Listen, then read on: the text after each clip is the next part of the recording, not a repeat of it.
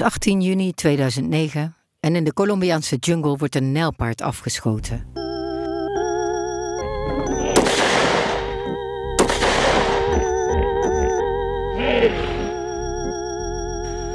Om meer dan één reden roept zijn dood herinneringen op aan de gloriejaren van drugsbaron Pablo Escobar en diens treurige einde op een dak in Medellin.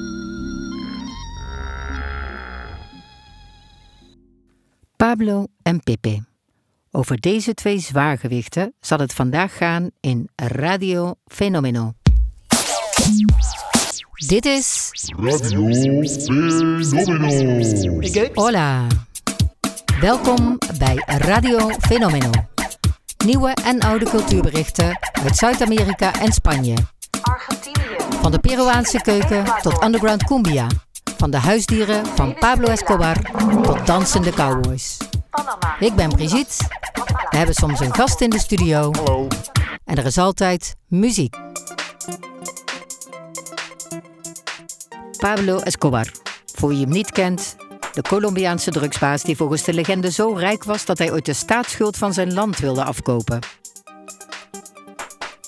In de jaren 80 van de vorige eeuw, toen hij zich geen raad meer wist met al die dollarbiljetten die lagen weg te rotten op hun verstopplaatsen, kocht Pablo Escobar een uitgestrekt landgoed, bijna 3000 hectare groot, dat hij Hacienda Napolis noemde. Boven de toegangspoort prijkt nog altijd schaamteloos het sportvliegtuigje waarmee hij zijn allereerste lading cocaïne vervoerde. Op Hacienda Napoles beleeft hij de bloeitijd van zijn imperium. Hij laat er zelfs een dierentuin aanleggen. De Colombiaanse schrijver Juan Gabriel Vázquez schreef de veelgeprezen roman Het geluid van vallende dingen over deze voor Colombia zo duistere periode. In een interview vertelt hij It was built inside a ridiculously big property in the Magdalena Valley. The name of Escobar's property was Hacienda Napoles, and this is the place in which he not only had the zoo, but he also had his landing strips for planes who were smuggling drugs into the United States.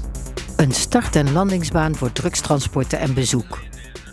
En daarnaast nog een stierenvechtarena, een kartcircuit, speelgoed voor volwassen mannen So here's Pablo Escobar's jet ski. He was watching 007, James Bond, the movie, and saw that, and then he realized that he had to own one. En de beroemde dierentuin, die voor alle Colombianen gratis toegankelijk was. It had all this mythic quality, only built with drug money. Ze konden er olifanten zien die Escobar van een circus had overgekocht. Giraffes, neushoorns, emus, mini-paardjes en zelfs roze and see a Amazone-dolfijn. rhino or a, or a hippo or a kangaroo who could kick a football very, very well.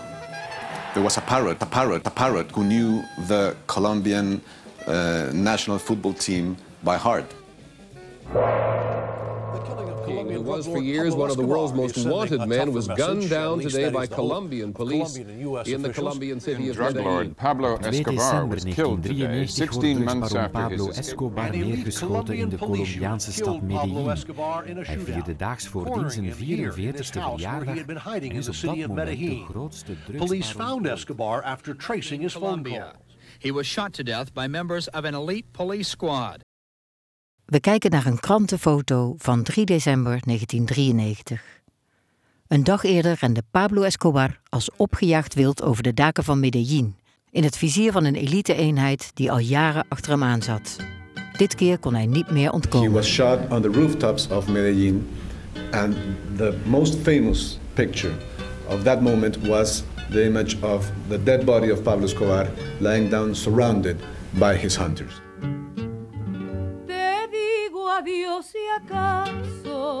Op het dak van een huis, tussen losliggende en kapotgeschoten dakpannen ligt hij, El Patron. Draagt een spijkerbroek en een donkerblauw t-shirt en hij ligt half op zijn zij gedraaid. Het ene been lichtjes gekromd over het andere. De armen bebloed en half gebogen boven het hoofd. Het shirt is opgekropen tot bijna onder de oksels. Een vlezige buik is zichtbaar. Om hem heen een groepje mannen. Het zijn leden van het Bloque de Búsqueda, een elite-eenheid van het Colombiaanse leger en de Colombiaanse politie. Ze dragen camouflagekleding. Een opgestoken duim, breed lachend, het geweer horizontaal voor het lichaam. We zien het Colombiaanse leger poseren, maar de schoten zijn gelost door de DEA, de Amerikaanse Drug Enforcement Administration. La persona más santa, la persona más noble de este mundo. No sé si te Todos ustedes han demostrado que es posible derrotar el mal. Demasiado los dos. Het landgoed blijft onbeheerd achter. De meeste dieren worden ondergebracht in dierentuinen, maar zo niet de nijlpaarden. Dat blijkt vrij lastig. En terwijl Hacienda Napolis in verval raakt, planten de nijlpaarden zich voort. Nijlpaarden zijn heel gevaarlijke dieren. En dat zou je niet zeggen als je ze zo ziet liggen. No sé si te ame poco, pero sí sé que nunca. Een gids leidt de mensen vandaag de dag rond op het voormalig eigendom, dat nu, anno 2023, een attractiepark is. los años 80, Pablo trajo una pareja de hipopótamos. Ya por ahora hay un grupo de más de 40. Acá hay un hipopótamo que es el líder de la manada, está pesando 3.500 kilos. Es el original que trajo Pablo. Tiene 47. Hij vertelt over een mannetjesnijlpaard van 47 jaar oud, met een gewicht van 3500 kilo, dat nog altijd op het landgoed rondloopt. Hij moet het haast wel hebben over El Viejo, de ouwe.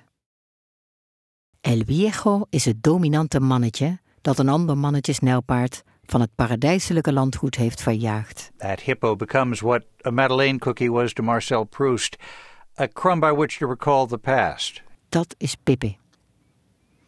Pippi nam een vrouwtje en een kalf mee. En samen banjerden de van oorsprong Afrikaanse dieren de Colombiaanse jungle in. Mensen in de omgeving van het voormalige landgoed krijgen in hun dagelijks leven met de nijlpaarden te maken.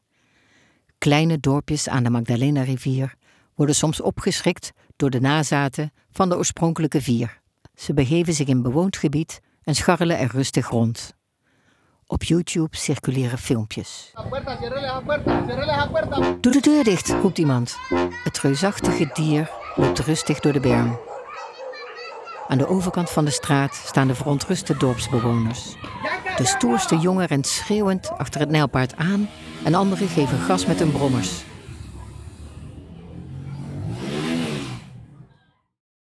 En dan, op 18 juni 2009, iets meer dan 15 jaar na de dood van Pablo Escobar, wordt in het stroomgebied van de Magdalena-rivier een mannetjesnijlpaard neergeschoten. Opnieuw een persfoto. The image of, the, of this huge beast lying down, surrounded by the hunters. In het hoge, felgroene gras ligt een gigantisch beest. Op zijn zij, een soort reusachtige aubergine. De huid glimmend van het water waarin het kort geleden nog rondliep. Achter het nijlpaard een groep mannen in donkergroene camouflagekleding. Sommigen met het geweer horizontaal voor het lichaam. Ze lachen niet, de blikken zijn ernstig. Het paars van het kadaver contrasteert met het felle groen van het gras en het donkere groen van de camouflagepakken. We zien het Colombiaanse leger poseren, maar de schoten zijn gelost door leden van een elitaire jachtclub die een opdracht van de overheid aan faunabeheer doet. De ware schutters zijn twee Duitsers, topmannen van Porsche Colombia. De dood van Pepe wordt breed uitgemeten in de pers. The image strongly resembled the photograph of Pablo Escobar hunted down by the, the drug agents and the Colombian military. De foto van de geuniformeerde mannen die bij het enorme kadaver poseren alsof het een trofee is, veroorzaakt veel ophef. De mensen in de regio zijn gaan houden van de nijlpaarden, die bovendien toeristen aantrekken.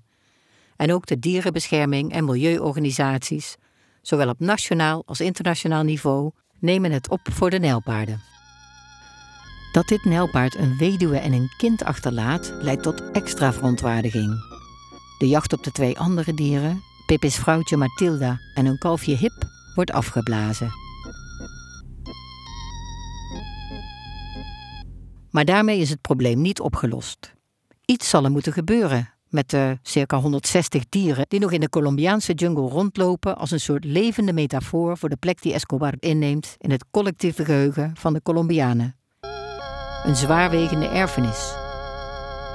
Een erfenis die voortleeft in zich voortplantende hippo's.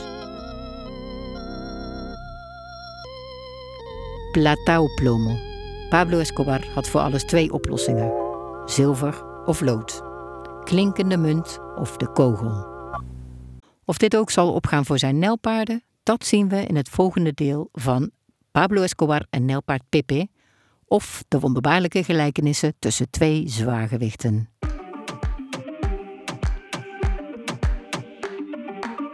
Tot zover deel 1 van aflevering 2 van Radio Fenomeno. Met dank aan Thijs Jacobs, de medewerkers van Wildlands Emmen, Steffi van den Noord en Lola Siuti. Voor de muziek van deze aflevering verwijs ik graag naar de show notes. De volgende keer dus hoe het verder moet met de hippo's van Pablo.